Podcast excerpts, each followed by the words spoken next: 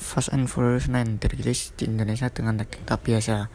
Moral apa yang dibintangi Vin Diesel dan John Cena ini melakukan cek ombak dengan tayang hari Jumat sampai Minggu 11 hingga 13 Juni 2021. Tipe tunjukan pertama saja jam 12 atau 13 berdasarkan pantauan showbiz jam pertama hari Jumat dan Sabtu dibatasi menonton meski kapasitas studio maksimal 50%.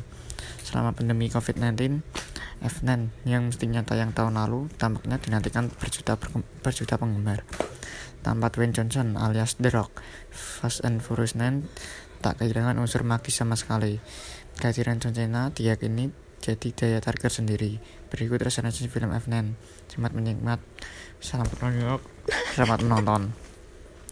Dominic Toretto, Vin Diesel dan Mike, Michael Rodriguez dikarunia anak laki-laki bernama Brian Aisha Colton.